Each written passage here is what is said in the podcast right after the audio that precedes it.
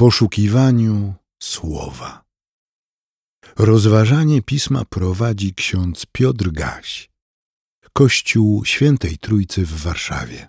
Łaska wam i pokój od Jezusa Chrystusa, który jest świadkiem wiernym, pierwotnym, pierworodnym z umarłym i władcą nad królami ziemskimi. Jemu, który miłuje nas i który wyzwolił nas z grzechów naszych przez krew swoją i uczynił nas rodem królewskim, kapłanami Boga i Ojca swego, niech będzie chwała i moc na wieki wieków. Amen. Słowo lekcji dzisiejszej niedzieli, które jest też podstawą rozmyślania obok innych usłyszanych już czytań, znajdujemy w pierwszym liście do Tymoteusza, w drugim rozdziale od pierwszego wersetu.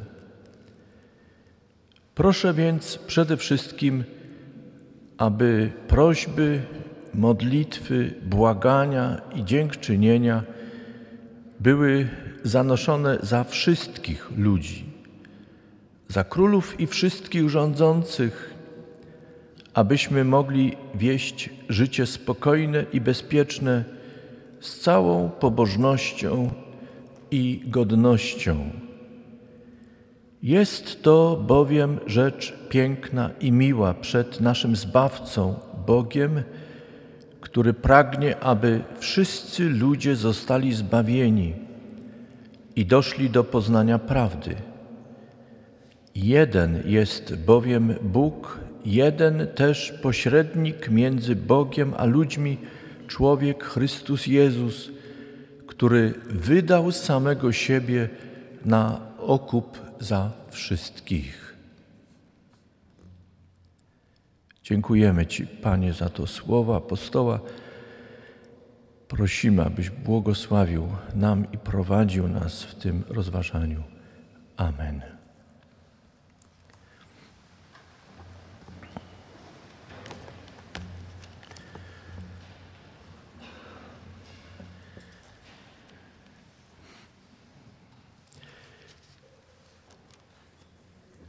Siostry i bracia,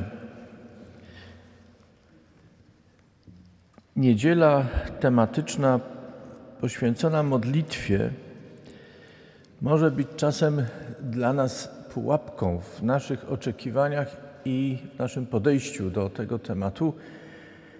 Tę pułapkę widzę w tym, że ktoś przyjdzie do kościoła z oczekiwaniem, że ksiądz poda receptę, instrukcję, jak należy się modlić jak należy skutecznie się modlić, żeby podejść naszego szefa, który jest nad nami i przekonać go do tego, co jest dla nas ważne i co jest nam potrzebne.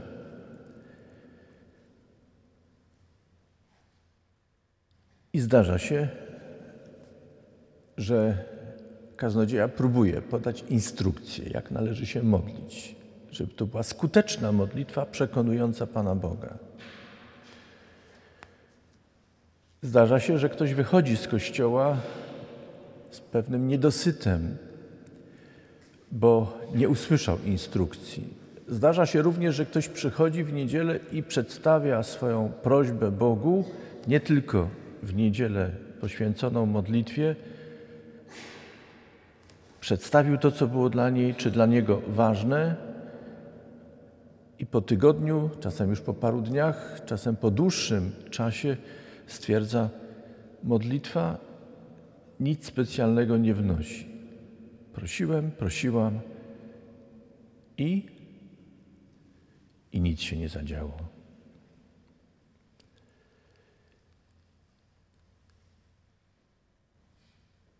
Niezależnie od tego, z jakim nastawieniem dzisiaj przychodzimy, niezależnie od tego, z czym wyjdziemy, Niezależnie od tego, o co chcemy dziś Boga prosić i co nas czeka w najbliższym czasie, chcielibyśmy od razu na samym początku przyjąć to, że pytanie o to, jak należy się modlić, albo to oczekiwanie, że ktoś nauczy nas modlić się, nie jest błędem. W życiu wiele, wiele razy byliśmy w sytuacji, kiedy coś nieznanego albo niekoniecznie często praktykowanego przez nas, że to sprawiało nam kłopot i szukaliśmy pomocy. Jak to robić? Żebyśmy mieli poczucie, że nie poruszamy się po omacku, ale wiemy, jak do tego podejść. Dzisiejsza Ewangelia mówi, że uczniowie Jezusa też prosili. Naucz nas tak, jak Jan Chrzciciel nauczył modlić się swoich uczniów. A Jezus odpowiada im i zwróćcie uwagę, że nie podaje długiej instrukcji, ale wypowiada słowa modlitwy. Wy, kiedy się modlicie, mówcie tak. I zaczyna tę modlitwę od Ojcze. Nie od Boże wielki, z długą inwokacją, w której wymienia atrybuty Boga, ale rozpoczyna od prostego, jakże mocnego i głębokiego zawołania Ojcze. Co w ten sposób podkreśla? Relacja pomiędzy nami a Bogiem, do którego chcemy zwrócić się w modlitwie, ma być relacją dzieci z Bogiem, w którym odnajdują kogoś bliskiego, oddanego, w którym dostrzegają swój początek. Mają świadomość, że z Jego woli, od Niego pochodzą i wszystko, co jest, co jest im dane, jest darem Ojca dla swych dzieci. Nie przychodzimy więc do Boga jak do szefa, którego trzeba podejść i przekonać. Chociaż Bóg jest Bogiem, jest Panem Wszechświata. Nie ma mowy o zuchwalaniu się z Bogiem. Nie ma mowy o próbie prowadzenia gry z Bogiem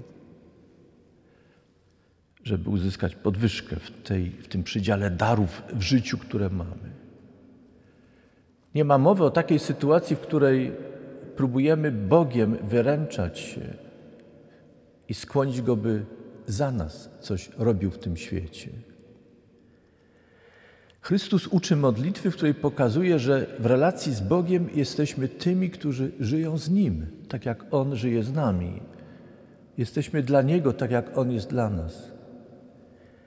Jesteśmy w relacji z Bogiem kimś, kogo Ojciec Niebiański uczy poprzez towarzyszenie człowiekowi. Żaden ojciec nie zatrzymuje dziecka dla siebie, ale uczy dziecko wchodzenia w swoje życie, dorosłe życie, by usamodzielniało się. Zawsze jest na podorędziu, zawsze jest w pobliżu. Nigdy nie odwraca się od swoich dzieci. Nawet jeżeli osiągają wiek dojrzałości, dorosłości, zawsze pozostaje ojcem do końca. Nie odmówi pomocy, ale też rozważa, jaka pomoc jest dziecku potrzebna, żeby je nie zepsuć, żeby nie pozbawić samodzielnego myślenia żeby nie nauczyło się cwaniactwa w swoim życiu, wykorzystywania rodziców. Zobaczmy, siostry i bracia, ile w tym zawołaniu Ojcze jest mądrości i ładunku. Ale też to zawołanie skłania nas do refleksji i pytania, jak traktuję Boga w moim życiu, kim jest ten Bóg w moim życiu czy widzę w nim kogoś, kto jest tak dobry jak ojciec i matka? I czy ta moja relacja w rozmowie z nim jest jak rozmowa z najlepszą matką i najlepszym ojcem? Zdaję sobie sprawę z tego także w kontekście dzisiejszej, dzisiejszego słowa wspomnienia o Kamilku, że Wiele osób być może w tym świecie, także być może w naszej parafii, mamy problem z takim patrzeniem na Boga i mamy zawsze problem z taką próbą komentarza do modlitwy pańskiej, jaką przed chwilą zaprezentowałem, bo mamy złe wspomnienia z rodzicami. Spotkałem ludzi, którzy są zablokowani i kiedy słyszą ojciec czy matka, nie potrafią słuchać. Traktują takie słowo jako idealizowanie. Mają kłopot ze swoimi emocjami.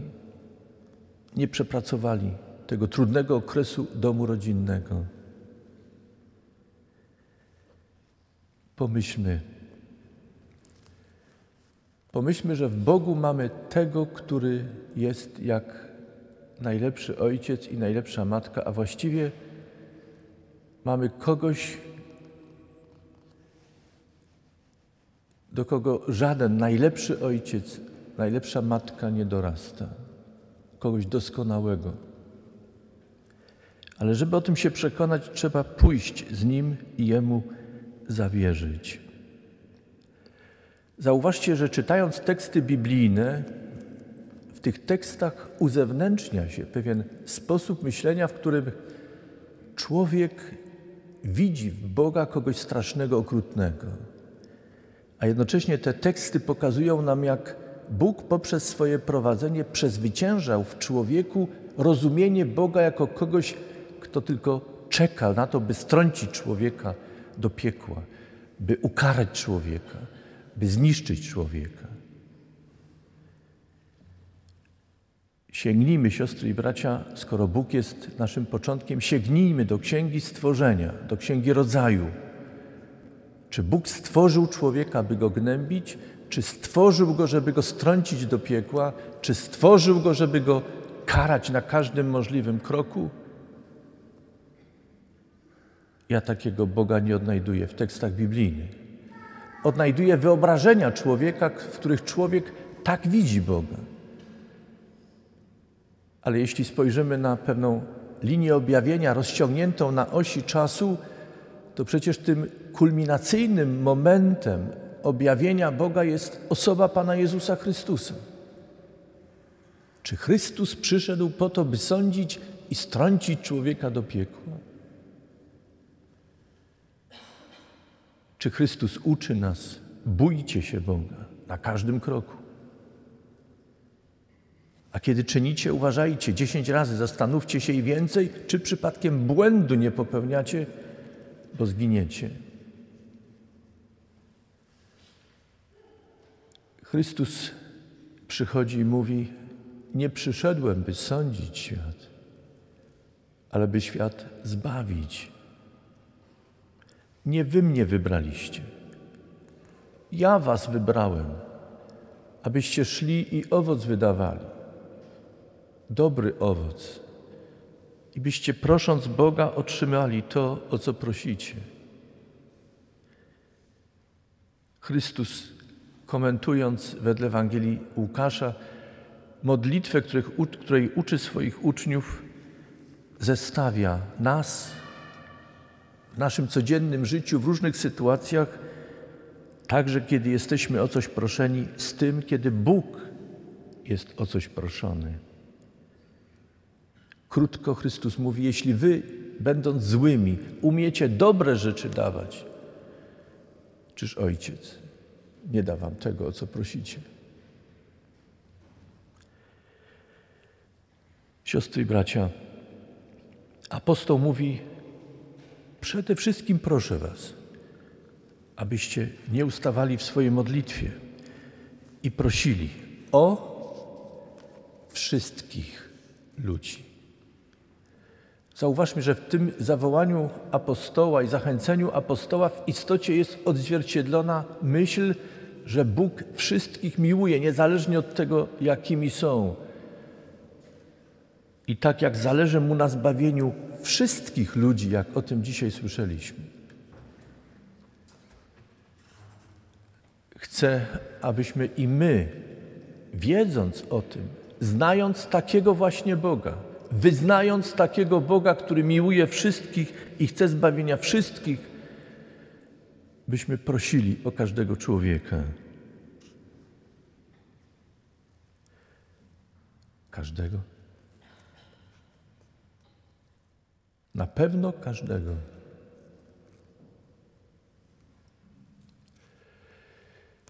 Wybaczcie, wrócę jeszcze raz do Kamila. Złość mnie ogarnia i oburzenie mnie ogarnia, kiedy myślę o sadystach. Ale też pytam, co się dzieje w człowieku, co musiało się stać w człowieku, żeby dojść do takiego stanu.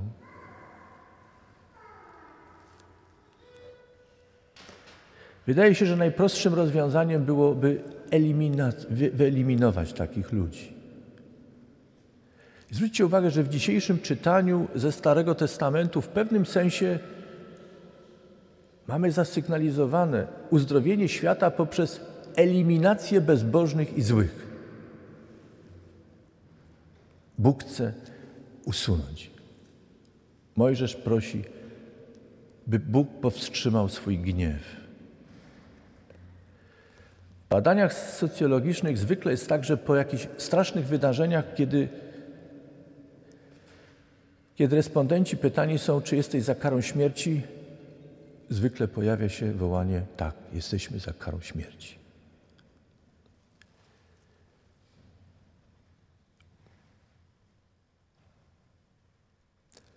Bóg dał życie i Bóg życie zabiera. A my, ludzie, jesteśmy wyposażeni we wszystkie możliwe instrumenty, byśmy bronili. Bronili siebie, bronili innych, bez potrzeby zabijania. Ktoś powie, a co z wojną?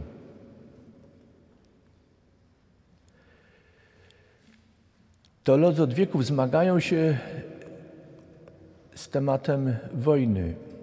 Mówiło się swego czasu o wojnie sprawiedliwej, ale wojnę sprawiedliwą nadużywano i usprawiedliwiano każdą wojnę, nazywając ją wojną sprawiedliwą. Współcześnie mówimy o wojnie usprawiedliwionej, czy działaniach usprawiedliwionych. I teolodzy wraz z prawnikami ustalają kryteria, wedle których można nazwać jakiś konflikt, wojnę działaniem obronnym, usprawiedliwionym. I jednocześnie mamy pełną świadomość, że każdy, kto chwyta za broń, zawsze staje na bardzo trudnej granicy, którą łatwo przekroczyć, kiedy broniący się staje się sprawcą. Kiedy walcząc o życie swoich najbliższych, swoich rodaków, możemy przekroczyć granicę, by stać się sprawcą. Dietrich Bonhoeffer, kiedy żyjąc w ekstremalnie trudnym czasie w okresie nazizmu, mówił, że my, ludzie, powinniśmy zrobić wszystko, abyśmy toczące się koło historii zatrzymali odpowiednio wcześnie, by nie miażdżyło nas i innych w tym świecie. A jeżeli jest taka potrzeba, powinienem być może nawet samego siebie poświęcić, by rzucić się w szprychy tego toczącego się koła historii, by je zatrzymać i by wypełnić w ten sposób największą miłość, jaką jest położenie swojego życia za przyjaciół swoich. Apostoł mówi: módlcie się o wszystkich, o królów i wszystkich rządzących, abyście ciche, spokojne, bezpieczne życie wiedli w godności. Bóg wie, co ma robić. I tak naprawdę Bóg nie potrzebuje naszej modlitwy, powiedzmy uczciwie. Ale my, my, siostry i bracia, potrzebujemy modlitwy, bo modlitwa nas zmienia. Aby nasza modlitwa była prawdziwa, uczciwa, taka, jakiej Bóg oczekuje, musimy poznać Boga prawdziwego takim, jakim On jest Boga miłości. A znając Boga, znając Jego oczekiwania, musimy nawrócić się do Niego.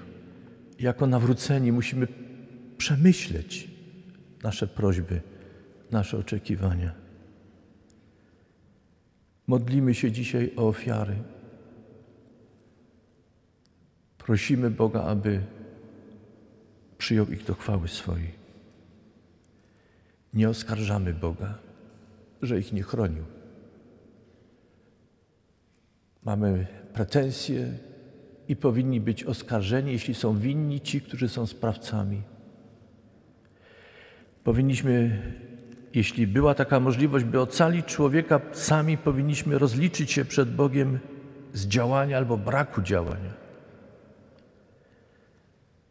I powinniśmy prosić także łaskawego Boga i mocarnego Boga, aby nawrócił sprawców. Wydaje się to być czasem utopią, kiedy widzimy nieprzejednanych, zatwardziałych grzeszników. Pamiętacie, kim był Szaweł, zanim został apostołem narodów? Sprawcą. Wyraźnie o tym mówi.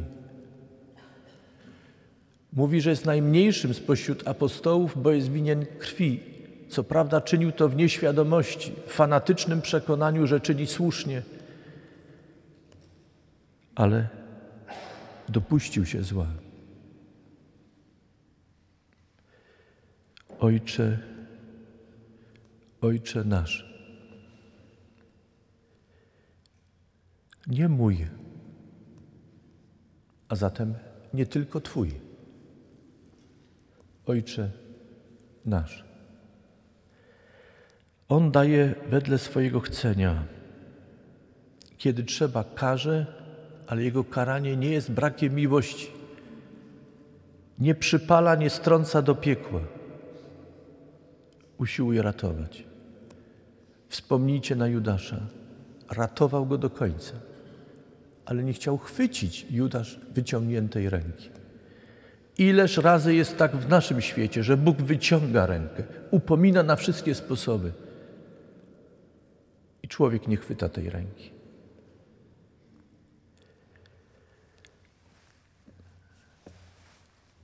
Nastoletni chłopak o zamiłowaniu pirotechnicznym kupił od swojego starszego kolegi zapalnik do granatu. Majstrując, spowodował wybuch. Miał rozerwaną jamę brzuszną. Lekarze walczyli o niego miesiącami, wykonując kolejne operacje, wyciągając odłamki. Modliliśmy się o niego. Został ocalony. Żył życiem lekkim, szalonym. Po jakimś czasie spotkałem go, miał zdartą całą twarz. Co się stało? Z przyjaciółmi wracali samochodem z dyskoteki. Samochód dachował. Trakcie wirowania samochodu tak nieszczęśliwie ułożyło się wszystko, że ruch odśrodkowy wyciągnął go częściowo z samochodu i twarzą darł o jezdnię. Nie stracił głowy. Choć niewiele brakowało, by prawa fizyki zadziałały i by został bez głowy. Urwane ciało byłoby.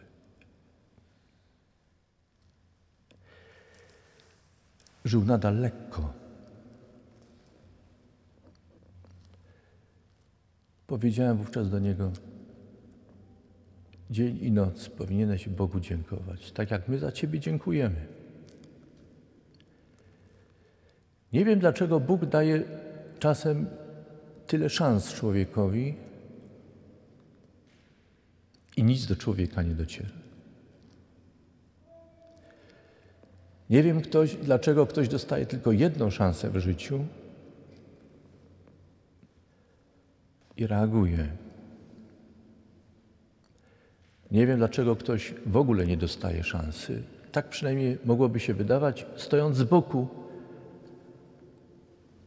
i odchodzi w okolicznościach, co do których nie wiemy, jak staje przed Bogiem. Siostry i bracia, mamy kolejny dzień życia. Cencie je. Szanujcie je.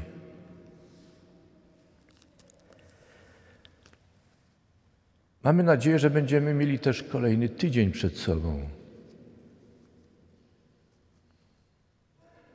Proście o ten czas. I módlcie się nie tyle o to, co jest dla Was ważne, z Waszej perspektywy, choć macie do tego prawo. Bóg takie prawo Wam daje. Chce z Wami rozmawiać niczym ze swoimi dziećmi. Źle powiedziane. Nie niczym ze swoimi dziećmi. Chce rozmawiać z Wami jako swoimi dziećmi o tym, co jest dla Was ważne. Ale bądźmy gotowi także słuchać tego, co dla Boga jest ważne, co nam chce uświadomić i uświadamia na różne sposoby, w przedziwny sposób. Nie zawsze z boku stojąc rozumiemy to, ale jestem przekonany, że Bóg komunikuje się z nami tak, byśmy wiedzieli, o co mu chodzi. Trzeba tylko słuchać i przyjmować. I trzeba pójść taką drogą, jak wytycza. Bo jeśli nawet tak jak jego uczniowie i uczennice dziś jeszcze czegoś nie pojmujemy, idąc z nim i za nim, odkrywamy, o co Bogu chodzi. A być może przestaniemy pytać, bo dostrzeżemy coś większego, ważniejszego, co nam odsłoni w drodze. I na koniec jedno, czego nie zapominajmy nigdy. Apostoł Paweł mówi, że jeden jest Bóg, jeden pośrednik, którym jest Pan Jezus Chrystus. I temu Bogu zależy na zbawieniu każdej i każdego z nas, bez wyjątku. Niezależnie od tego, czy jesteśmy sprawcami czy ofiarami, czy jednym i drugim. Bóg nas miłuje, chce zbawić, chce naszego nawrócenia i ocalenia. Amen.